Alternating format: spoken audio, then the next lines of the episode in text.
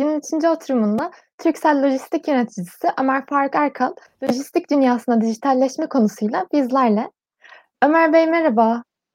Merhabalar. Hoş geldiniz. Nasılsınız? Hoş bulduk. Teşekkürler. Siz nasılsınız? Ben de iyiyim. Teşekkür ederim. Ee, Geliyor şimdi ben mi? Bir sorun geliyor yok. sesiniz evet. Geliyor Tamam, bir sorun yok. harika. Şimdi sözü sizlere bırakmak istiyorum ben. Teşekkür ederim. Ee, bir sunumumuz vardı. Çok böyle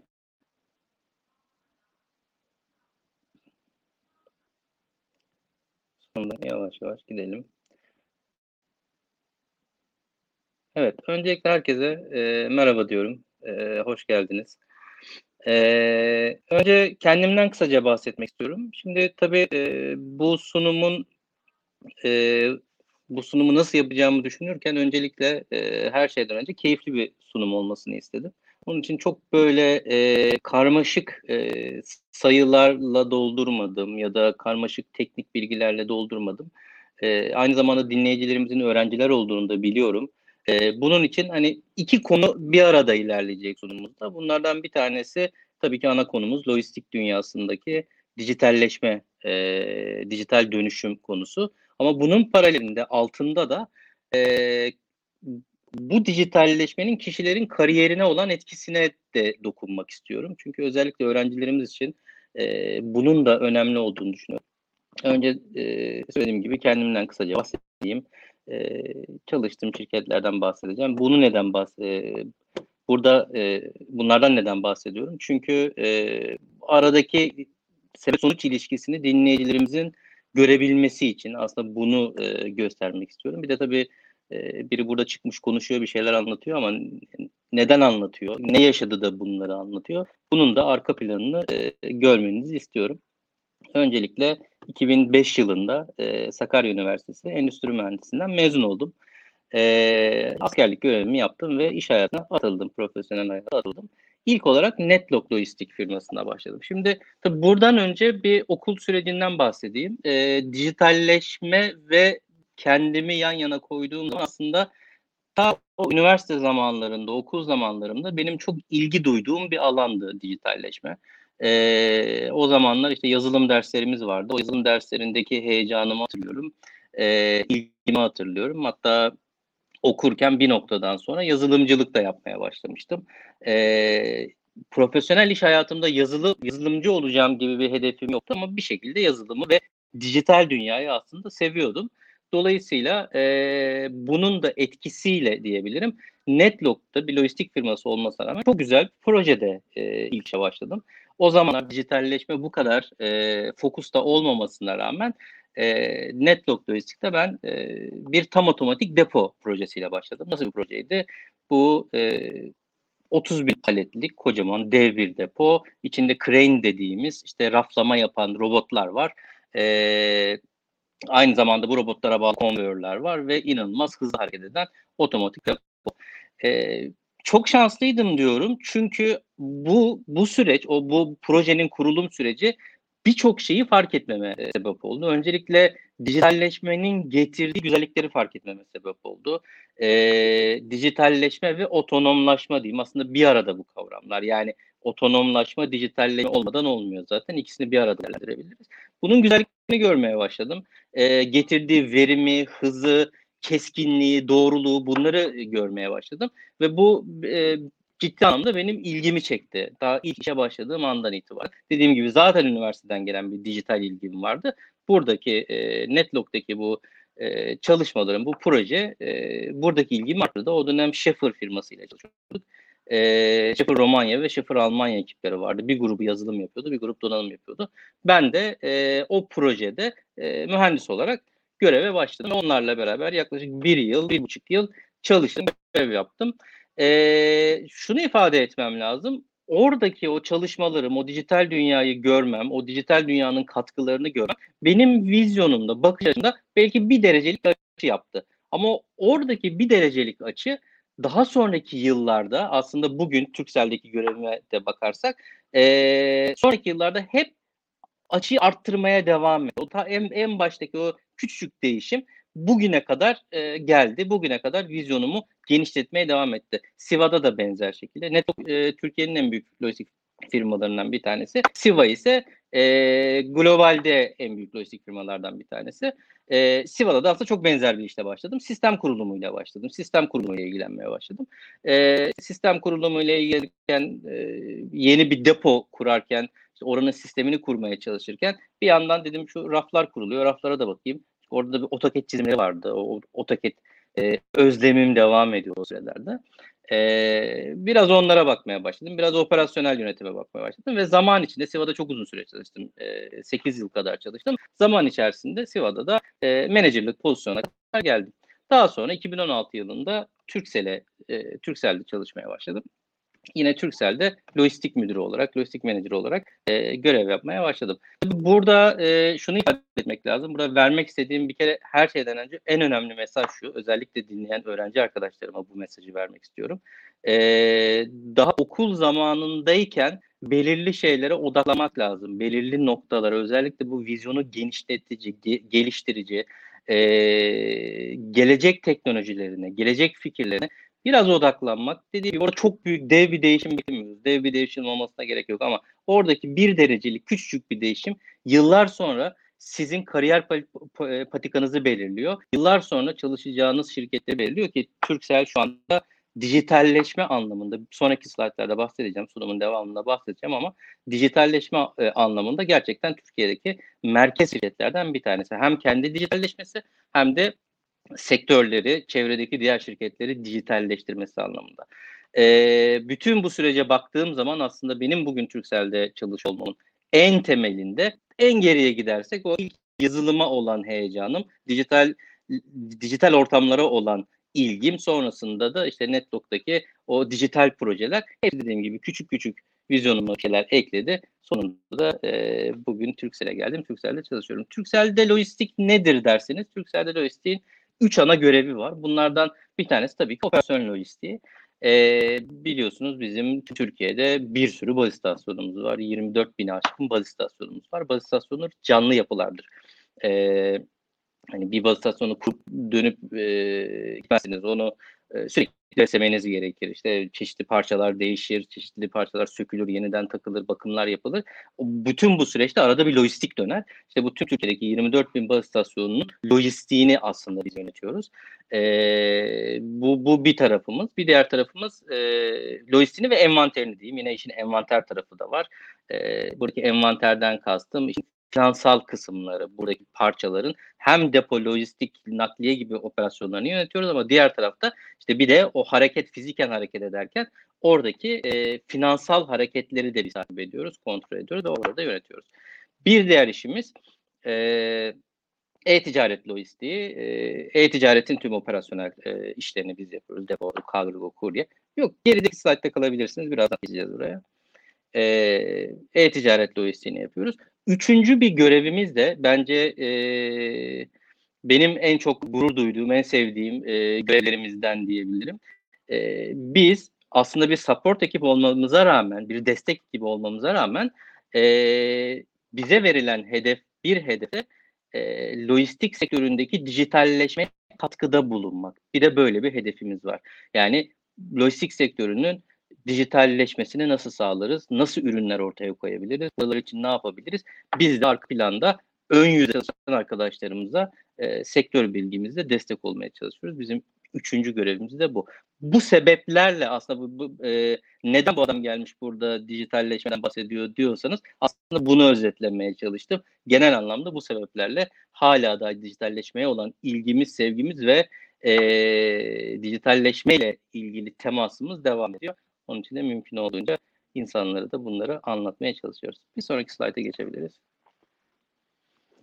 Şimdi dijitalleşme dediğimiz zaman aslında biz burada neden bahsediyoruz?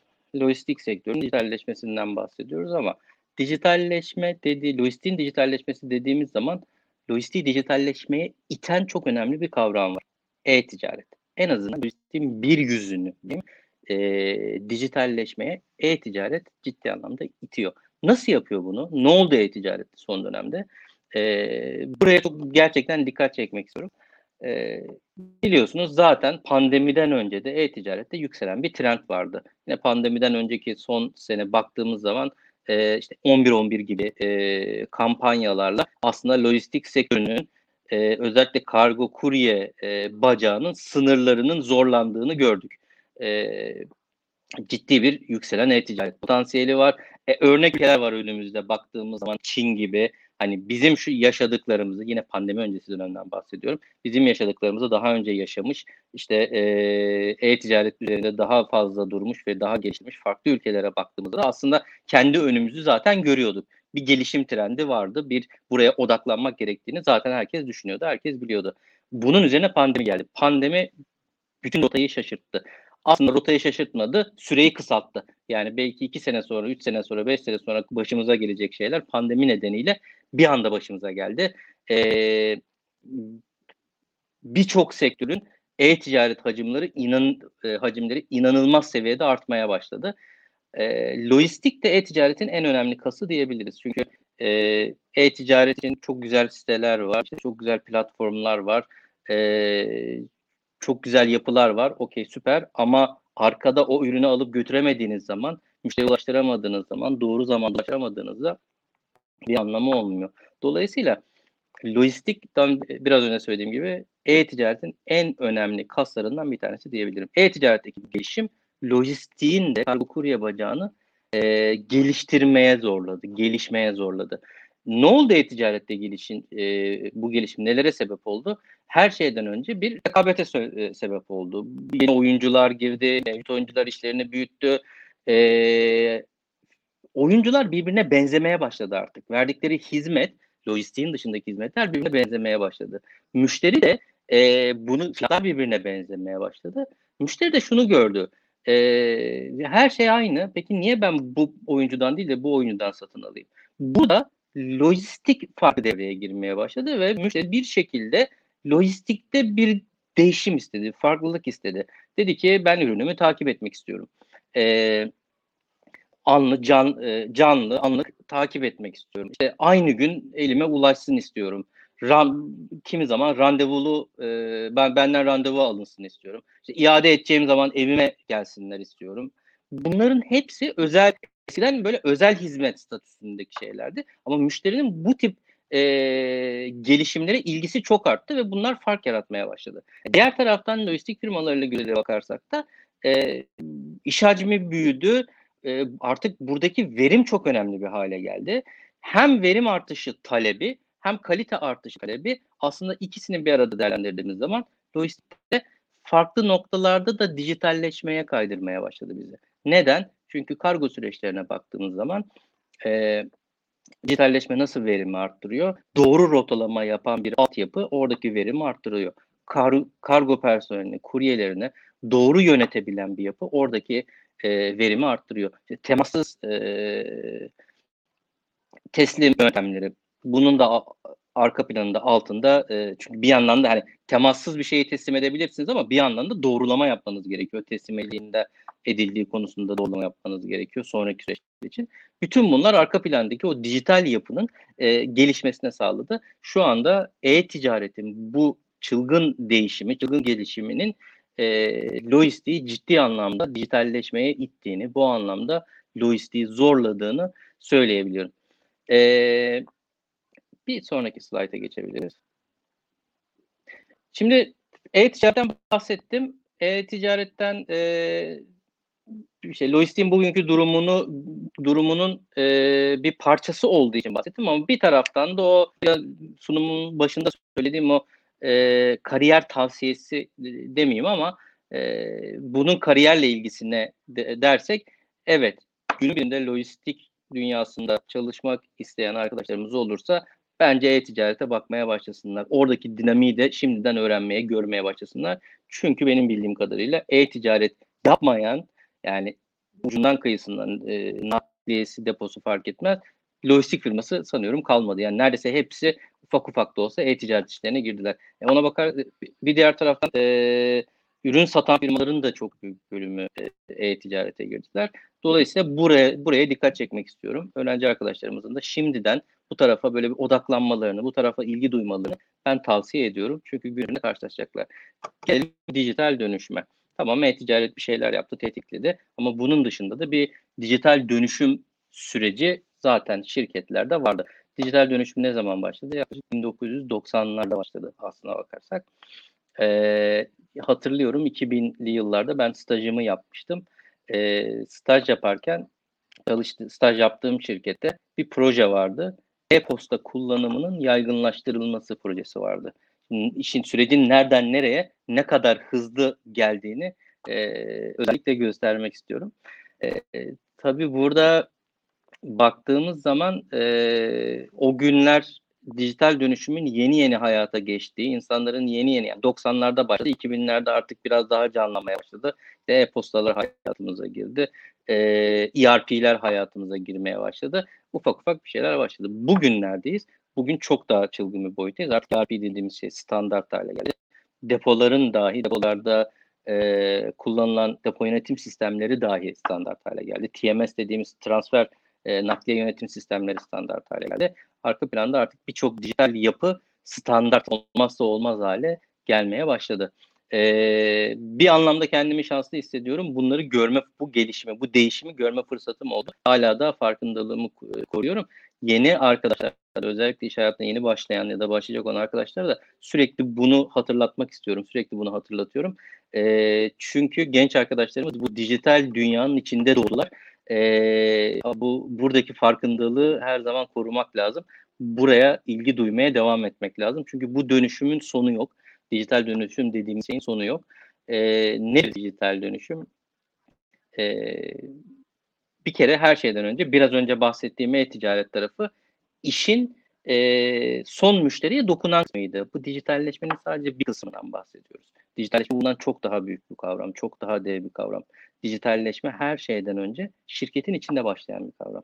Şirket şirketler kendilerini öncelikle dijitalleşmeye çalışıyorlar. Önce kendi süreçlerini dijitalleştirmeye çalışıyorlar. İlerleyen slaytlarda çeşitli detaylar vereceğiz. Ee, kendilerini dijitalleştirdiği gibi tedarikçilerini ya da paydaşlarını dijitalleştirmeye çalışıyorlar. Çünkü sizin tek başınıza dijital olmanız fark et, e, yetmiyor. Çok güzel bir ERP kuruyorsunuz. Çok güzel bir sistem. ERP, depo yönetim sistemi. E, hepsi birbirine bağlı süper bir yapı kurdunuz. Ama size ürün gönderen e, tedarikçinizin hiçbir dijital altyapısı yok bir noktada dur deyip e, manuel olarak bir şeyler sisteme girip oradan beslemeniz gerekiyor. Bu da yetmiyor. Dolayısıyla önce kendi şirketinizi içini dijitalleştiriyorsunuz. Daha sonra e, yavaş yavaş tedarikçilerinizi de dijitalleştirmeye başlıyorsunuz. E, bununla beraber ürünler dijitalleşmeye başlıyor. Turkcell'den çeşitli örnekleri görebilirsiniz burada. İşte Fizi, Lifebox gibi e, bir sürü dijital ürünlerimiz de var e, yine e-ticaret de bir dijital ürün aslında, dijital hizmettir aslında. E, ürünlerinizi ya da ürünü satma yollarınızı dijitalleştirmeye başlıyorsunuz. E, zaman içerisinde e, son doğru gidiyorsunuz. Artık müşterilerinizi dijitalleştirmeye başlıyorsunuz. Müşteriler de bu anlamda dijitalleşmeye başlıyor. Müşterilerin de istekleri, talepleri bu anlamda değişiyor yetenekleri bu anlamda değişiyor. Artık herkes kolaylıkla e-ticaret sitelerinden alışveriş yapabiliyor. Ya da bir e, kargo sürecinde herhangi bir şeyi onaylatmak istediğiniz zaman e, cep telefonu üzerinden müşteriye onaylatabiliyorsunuz. Artık bunlar bizim için bir engel olmadı. Bu ne demek? Bu demek. Müşteri de artık dijitalleşmeye başladı. E, yine buradan e, arkadaşlarımıza, genç arkadaşlarımıza önemli bir mesaj vermek istiyorum dijitalleşmeyle ilgilenmeniz lazım. Evet ama dijitalleşmenin neresiyle ilgilenmeniz lazım? Evet bir dijitalleşmenin historisini bilmekte fayda var kesinlikle. Ama özellikle gelecek trendleri ne? Biraz bunlara odaklanmak gerektiğini düşünüyorum. Bugünün trendlerini, gelecek trendlerini nereye gidiyor? Sizler iş hayatınıza iş hayatına girdiğinizde nerede olacağız? Biraz bunlara odaklanmak lazım. Odaklanmak gerekiyor. Bir sürü örnek vereceğim. Mümkün olduğunca örneklerle gitmeye çalışacağım. Ee, ama önce bir Türksel'den bahsedeyim. Sunumun başında dedim Türksel bu işin merkezi. Neden Türksel bu işin merkezi dedim. Öncelikle tabii ki Türksel'in bir iç süreçleri var. Bir iç dijitalleşme süreçleri var. Ee, zaten bir telekomünikasyon firması olduğu için belli bir seviyede dijitalleşerek hız gelmiş. Ben Türksel'e geldiğimde çok ciddi e, ciddi anlamda bu yolculuğunu tamamlamış olduğunu söyleyebilirim. Ee, birkaç örnek vermek gerekirse işte bir tane bizim e, Turkcell Life diye bir uygulamamız var. İçeride sadece Turkcell personelin kullandığı bir uygulama. Bizim bütün şirket içi hayatımız oradan dönüyor. Her şey yani pandemiden önce İşte bir toplantı odası organize edeceksek oradan organize ediyorduk. İzin alacaktık oradan izin alıyorduk. Ee, bir şeyleri onaylayacaksak da oradan onaylıyorduk. İşte e, personelimiz ticketlarının e, ya da işte e, şu anda e, paye kart kullanıyor. Paye kartının e, bakiyesini görecekse de oradan görüyor. Yani tam anlamıyla Turkcell'lar. Yani içerideki her türlü ihtiyacı aslında tek bir uygulamayla karşılayabiliyor. Bence dijitalleşme açısından gerçekten çok güzel bir örnek. Çünkü geçmiş ya bundan çok değil 3-4 sene öncesine baktığım zaman bunların birçoğu izinler formlarla yapılıyordu ki hala birçok şirkette formlarla döndüğünü biliyorum. Ee, onaylar işte ıslak imzalarla oluyor. Hala daha e, yani çok üst yönetim seviyesindeki değil daha alt yönetim seviyesindeki onayların dahi manuel döndüğünü biliyorum. E, imzalarla döndüğünü biliyorum. Bunlar, bunların çok ciddi anlamda e, dijitalleşmenin parçası olduğunu söyleyebilirim. Bunun yanında işte e, Türksel Akademi uygulamamız var. Türksel Akademi uygulamamız da içer, önce içerideydi ama sonra dışarıda da dışarıya da hizmet vermeye başladı. İçeride e, aldığımız eğitimlerin tamamen online almamıza sebep oldu. E, işte çeşitli QR kodla onaylama vesaire gibi e, geldiğini belirtme gibi şeyler vardı. Şimdi neden bunları anlatıyorum? Bu bunlar e, pandemi döneminde aslında e, bu tip örnekler çok basit kaldı. Neden? E, çünkü bunlara ihtiyaç oluşmaya başladı. Şirketler mecburen dönmeye başladı. Bu bahsettiğim benim 5 sene öncesinden bahsediyorum. 5 sene öncesinde aslında biz buna hazırdık. Zaten pandemi dönemine geldiğimizde biz de evden çalışmaya başladık. Ee, bir gündü sadece bizim geçişimiz yani. Bir gün içerisinde tüm hayatımızı dijital ortama kolaylıkla taşıyabildik. Nasıl taşıyabildik? İşte geçmişte kurulan bu dijital altyapıyla. Ee, gelecek trendleri görmek bu anlamda önemli. Gelecekte farklı şeyler getiriyor. Biraz daha açık, biraz daha e, temiz bir şekilde geleceği görebiliyoruz. Bunun için arkadaşlarımıza bunu özellikle e, söylemek istiyorum. Geleceğe bu gözle bakıp orada neler değişiyor, neler olabilir e, bunlara odaklanmakta fayda olduğunu düşünüyorum. Bizim bir e, ekibimiz daha var. Bu tabii Türkcell'in kendi içindeki e, dijital dönüşümüydü. E, bir de Turkcell dışındaki dijital dönüşüm var. Bundan da bahsetmek lazım. E, bizim bir şirketimiz var. DBS adında bir şirketimiz var. Dijital iş çözümleri. Ee, burada bir grup arkadaşımız var. Bu arkadaşlarımız hepsi bir sektörün, hepsi, her biri bir sektörün lideri. Ee, bu arkadaşların görevleri şu. Bir sektördeki firmalarla temas ediyorlar, görüşüyorlar ve e, buradaki e, firmalardaki ihtiyaçları, dijital ihtiyaçları tespit ediyorlar, görüyorlar geliyorlar içeriye. İşte bizim destek olduğumuz noktalar buralar oluyor. İşin uzmanlarıyla bu işte lojistik ise bizim kendi içimizdeki uzmanlarla, IT uzmanlarıyla, yapay zeka ekiplerimizle, e, IoT ekiplerimizle tamamıyla görüşüp sektörün ihtiyacı olan, sektördeki o firmanın problemini çözebilecek e, yapıyı oluşturmaya çalışıyorlar. Bu bir donanım olabilir, bu bir software olabilir, Türkiye'de üretlenmiş olabilir, yurt dışından getirilebilir fark etmez. Ne olursa tamamen sınırsız.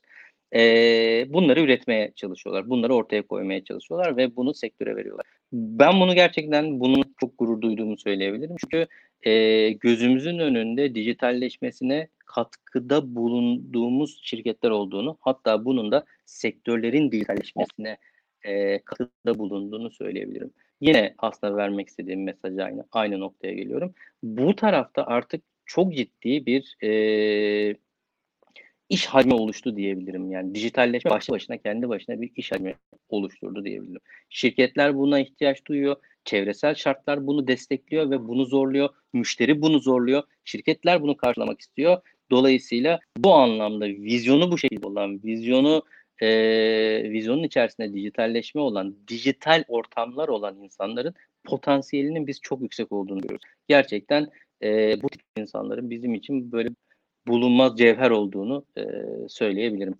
E, devam edelim. Yine dijitalleşmeden devam edeceğiz. Şimdi tabii bu anlamda bir, bazı örnekler verebiliriz. E, neden bahsediyoruz? Nasıl çözümlerden bahsediyoruz? Nedir bu e, dijital çözümler? Öncelikle bir dijital platformlardan bahsedelim. Ne demek dijital platformlar? E, biliyorsunuz şu anda e-ticaret tarafında bununla aslında çok karşılaşıyorsunuz. E-ticarette satın aldığınız ürünleri e, satan siteler aslında birer platform. Mesela bizim Türksel Pasaj. Bir marketplace e, platformu. E, farklı tedarikçileri, Turkcell'in kendisini de dahil olmak üzere farklı tedarikçileri bir araya getiriyor ve e, onların ürünlerini satması için bir ortam hazırlıyor. Şimdi bunun lojistik tarafı olduğunu düşünün. Lojistik için de bu tip dijital platformlar oluşmaya başladı. Ee, örneğin nakliyecilerle işte e, yurt içindeki e, şoförleri bir araya getiren platformlar var. Ee, ve gerçekten buralardaki süreçleri inanılmaz kolaylaştırıyor ve kontrol altına diyebilirim. Diğer tarafta baktığımız zaman e, yine işte e, yurt dışı foreign e, süreçleri dijitalleştiren platformlar var. Neden buna ihtiyaç duyuluyor? Şunun için ihtiyaç duyuluyor. Bu süreçler nasıldı? Şöyle genel hala yürüyen böyle süreçler var. İşte Türkiye'nin belirli noktalarında tır pazarları dediğimiz e, alanlar var. Şoförler buraya geliyor, nakliyeciler buraya geliyor, müşteriler nakliyecilerle iletişim kuruyor ve orada çok daha manuel karşılıklı e, yüz yüze temasla yapılan bir e, ürün e, nakliye alsat işlemleri oluyordu. Şimdi hala bu devam ediyor. Hala oluyor çünkü dijital platformlar gittikçe büyüyor. Dijital platformlara olay geçmeye başladığı nasıl e, ne oldu? Bunun artılarını bir şoförler artık belli bir yere gitmek zorunda değil. İşi alırken evden alabiliyorlar. E, müşteriler yükünü takip edebiliyor. Ne oldu? Nasıl devam etti? Tekliflendirmeler nasıl oldu? E, bunları canlı olarak görebiliyor. Ürünüm nerede? Ürünüm nereye gidiyor? Bunları canlı olarak görebiliyor. E, kontroller e, dijital ortamlarda, dijital doğrulamalarla oluyor. İşte araçların ruhsatları, ticari belgeleri, e, şoförlerin belgeleri vesaire bunların tamamı e, o, işte resimleri çekilerek dijital ortamlarda okutularak e, belirli yerlerle entegrasyonlarla doğrulanarak yapılıyor ki bu da kontrolü çok ciddi anlamda sağlıyor. Bunu gören müşteriler artık buraya kaymaya başladı. Müşteriler buraya kaymaya başlayınca şoförler de buraya kaymaya başladı. Gelecek için önemli noktalardan bir tanesi olduğunu söyleyebilirim. Gittikçe büyüyen trend olduğunu söyleyebilirim dijital platformlar. Aslında e, en başta girişimlerden bahsetmek istiyordum. Oraya atladım. E, kimler yapıyor? Girişimciler yapıyor aslına bakarsak.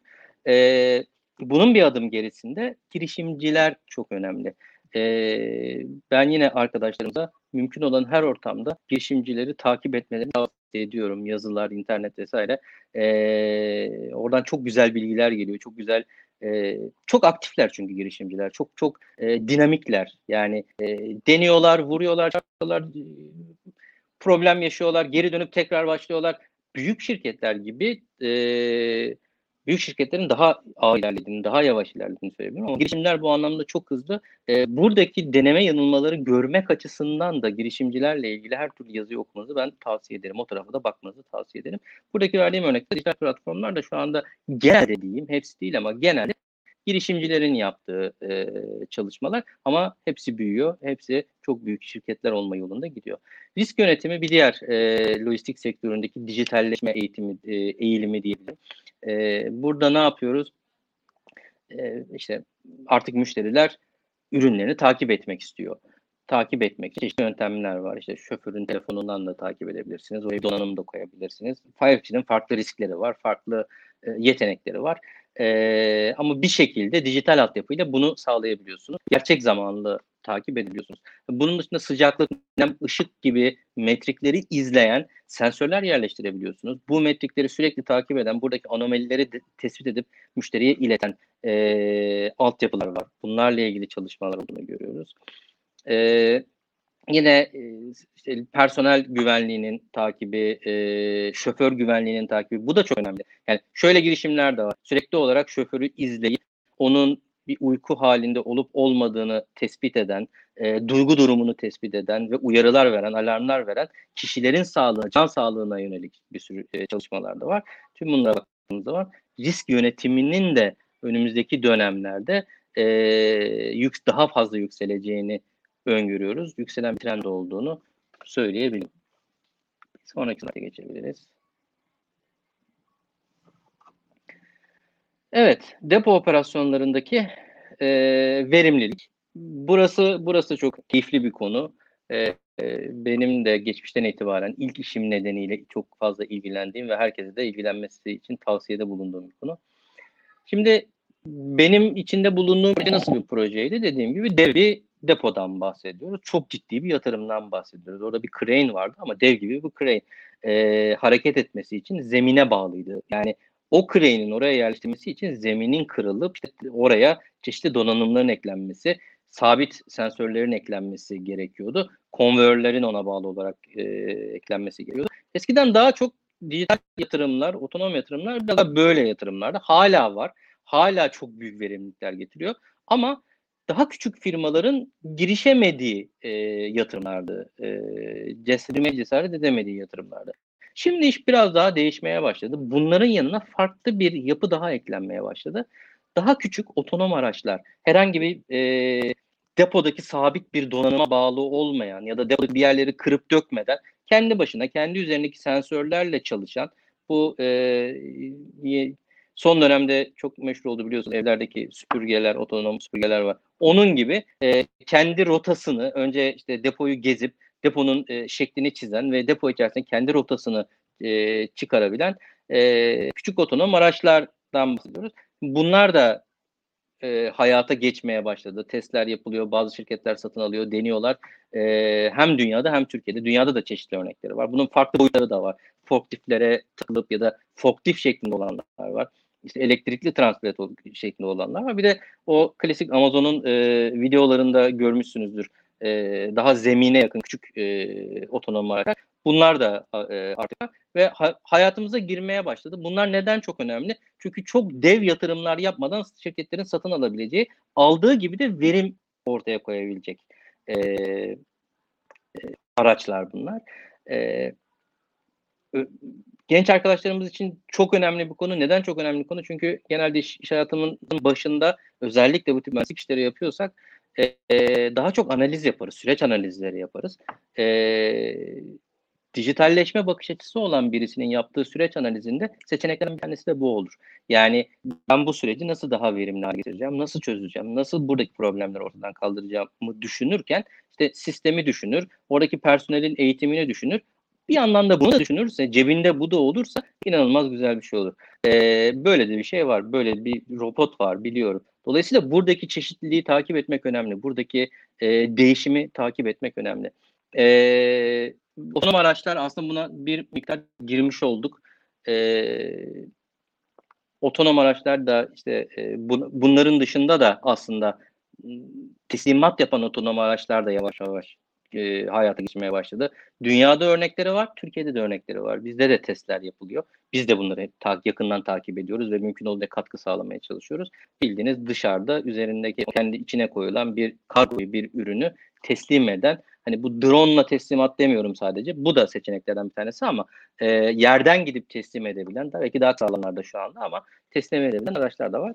Bunlar e, ya bu çok kısa mesafe ya da kapalı alan gibi bakmamak lazım. Bunlar e, gelecekteki farklı yapıların e, daha büyük menzilli yapıların ataları şu anda.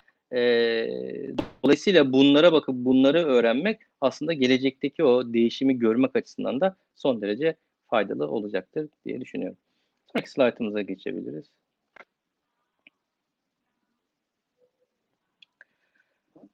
Ee, güzel örneklerden bir tanesi, bunu da özellikle koymak istedim, eklemek istedim. Ee, drone.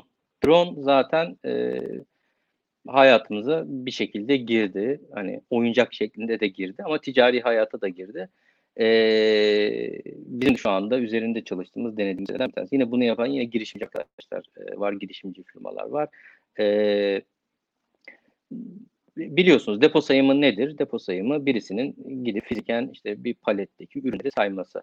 Ee, çok önemli bir iş. Kontrolü sağlar. Çünkü deponun olmazsa olmazıdır. Deponun içindeki ürünlerin e, sayısının biliniyor olması lazım. Kaybolmaması lazım. Zaten amaç bu. Yani o ürünün depoda tutulma amacı zaten korunması, güvenliği. E, dolayısıyla e, buradaki sayım yöntemleri arasında artık drone ile sayım da girdi. E, sadece de değil, tabii marketlerde de bunlar kullanılıyor. Farklı alanlarda da kullanılıyor ama dijitalleşme ve otonomlaşma adına bence çok güzel bir örnek. Bir drone düşünün. Üzerinde e, kamerası var. Kamerayla e, sayılacak ürünün resmini çekiyor ve onu proses ediyor. Resmi proses ediyor. Farklı şekillerde bir şekilde onları e, kontrol ediyor ve orada kaç adet olduğunu ortaya çıkartıyor e, bu, bunu yapan insanların da aslında başka iş yapmaları için e, bir zemin hazırlıyor diyebilirim. Yani insanın gücünü böyle bir iş için harcamak ne kadar doğru? Ee, bu tip dijital yapıları koyduğumuzda o insanları farklı işlere yönlendirme şansımız var. Mevcut işini daha kaliteli yapması için onlara fırsat verme şansımız var. Şimdi bu tarafına da bakmak gerekiyor.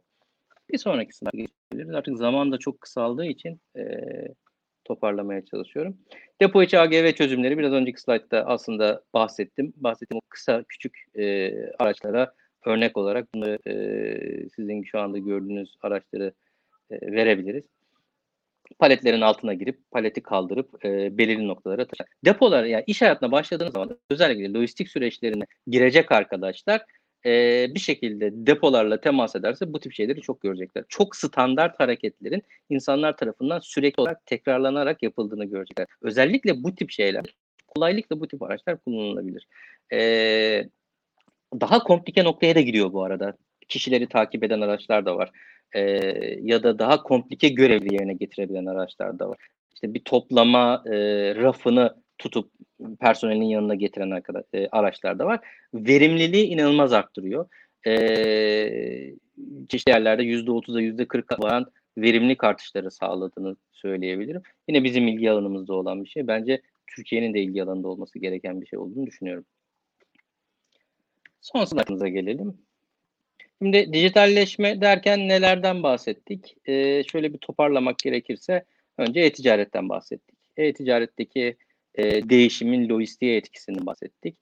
Buradaki e, verdiğimiz birinci mesaj aslında e-ticarete bir ilgi duymak gerektiğiydi. E, diğer taraftan e, lojistikteki o şirketçi ve şir, şirket dışı dijital dönüşümden, dijital değişimden bahsettik. Software anlamındaki dijital değişimlerden bahsettik. Bir de donanım değişimlerinden bahsettik. E, neden özellikle donanımdan da bahsetmek istedim, üzerine vurgulamak istedim. Çünkü biz software ile iç Software anlamında vizyonumuz çok geniş ya da kapılarımız çok açık. Yani her şey olabilir. Bilgisayarlar her şey yapabilir gözüyle bakıyoruz. Ama iş donanıma geldiğinde orada biraz daha kapılarımız kapanıyor. Biraz daha e, ütopik geliyor bize ama değil. Bunu özellikle belirtmek için işin donanım kısmına da e, değinmek istedim. İşte otonom araçlara, dronlara, drone sayım yapabilen dronlara bunlara dokunmak istedim.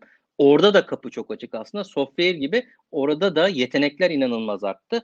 E, ilgi arttı, şirketlerin ilgisi arttı. E, arz talep arttığı gibi o tarafta arz da artmaya başladı. E, orada da kapıları açık tutmak gerektiğini düşünüyorum. Son olarak RPA'den bahsetmek istiyorum. E, RPA nedir? RPA e, e, robot e, robotik e, prosesi prosesleri yöneten bir yapı diyebilirim. Bir robotik yapı, prosesleri yöneten robotik yapı diyebilirim. E, Excel makrolarını bilirsiniz. Eskiden Excel makroları biz çok kullanırdık. E, her gün yaptığınız bir Excel işi varsa e, çok basit temel bir iş varsa işte bir şey oradan oraya kopyala, onu oraya koy, ondan sonra topla, ondan sonra çıkar, ondan sonra şunu yap. Bunu tabii bir kısmını formülle yapıyorsunuz ama bazı kısımlarında o makrolarla yapardık. E, ya da ekran makroları vardı. İşte bilgisayarımızda her gün yaptığımız bir sistemler rapor çek, onu Excel'e aktar, oradan da mail at gibi rutin bir işimiz varsa bunları e, makro dediğimiz yöntemlerle yapardık. Ama makrolar zeki yapılar değildi. Yani arada bir şey error verse, bir hata verse e, makro onu umursama göremezdi zaten. Yani görmezdi, kördü makro. O kendi işini yapmaya devam etmeye çalışıyor ama sürekli error, error, error e, hatasıyla karşı karşıya gelirdi. RPA böyle değil. RPA biraz daha farklı. Bunun daha zeki olanı diyebilirim. RPA'nin bir kere görme yetisi var. Ee, yine benzer şekilde aslında tekrarlanan işleri yapması için RPA programlamalar yapılı, e, yapılıyor. Ama e, biraz daha zeki, biraz daha görebiliyor. Arada bir error olduğu zaman, arada bir hata olduğu zaman e, bu hatayı görüp tespit edip eğer içine, içerisinde tanımlanmışsa bu hatanın etrafından dolanabilecek ya da hata durup bekleyip hata konusunda alarm verebilecek yetkinliklere sahip. RPA neden önemli? RPA şunun için önemli. Artık şirketlerde e, rutin işleri aynı nasıl depolarda rutin işleri personele yaptırmak istemiyoruz. Çünkü o personelin personel daha iyi şeyler yapabilir. Çok benzer şekilde beyaz yaka için de bu geçerli. RPA da aslında beyaz yakanın e, otonom yapısı, otonom e, dijital yapısı diyebilir. Eee, ve ciddi anlamda gelişmeye başladı. Ciddi anlamda bu, eee, bu taraftaki odak da büyümeye başladı. Özellikle rutin yapılan işleri artık biz RPA'lere gidiyoruz. Bir arkadaşım her sabah bir raporu çekip her sabah birine yolluyorsa ya da raporu çekip üzerinde bir işlem yapıp birine yolluyorsa artık ben onu arkadaş, o arkadaşıma yaptırmak istemiyorum. O arkadaşıma daha eee zekasını, yetkinliklerini kullanabilecek başka işlerde başka işlere yönlendirmek istiyorum. Bu tip rutin işleri RPA denen yapılara bırakmak istiyorum. Dediğim gibi şirketler buraya da çok odaklandı. Yine eee, bizi dinleyen arkadaşlara buraya da bakmalarını tavsiye edebilirim. Burada da bir gelecek var. RPA programcıları eee, çıkmaya başladı. İnsanlar buraya yönelmeye başladı. Hani RPA programlama altyapısı olduğu gibi burayı programlayan insanlar da eee, oluşmaya başladı. Eee, bu tarafa da bakmakta fayda var diyebilirim. Buraya da dikkat çekmek istedim. Eee, sanıyorum sürem doldu diye düşünüyorum. Evet, süremizin sonuna geldik maalesef. Teşekkür Bu hoş sunum için size çok teşekkür ederiz gerçekten. Eee, Ben ayrıca şöyle bir şey var. Eee, kulüp adına sizin adınıza fidan bağışında da bulunduk. Çok teşekkürler. Eee, etkinliğimize katılım gösterdiğiniz için çok teşekkür ederiz. Üniversite öğrencileri olarak bizleri bilgilendirdiğiniz için çok teşekkür ederiz. Ben teşekkür ediyorum. Gerçekten çok keyifliydi. Eee, öğrenci arkadaşlarımızla buluşmaktan her zaman çok keyif alıyorum. Eee, inşallah eee, bir şeyler katabilmişizdir. Dediğim gibi şöyle ufacık bir şey bile katmış olsak seneler sonra onların hayatında çok büyük etkileri olacağını düşünüyorum. İnşallah bir şeyler katabilmişizdir. Tabii tabii mutlaka katmışsınızdır. Çok teşekkür ederiz o zaman. Görüşmek üzere. Görüşmek üzere. Hoşça kalın. Sağ olun. Kendinize iyi bakın. Hoşça kalın. Siz de hoşça kalın.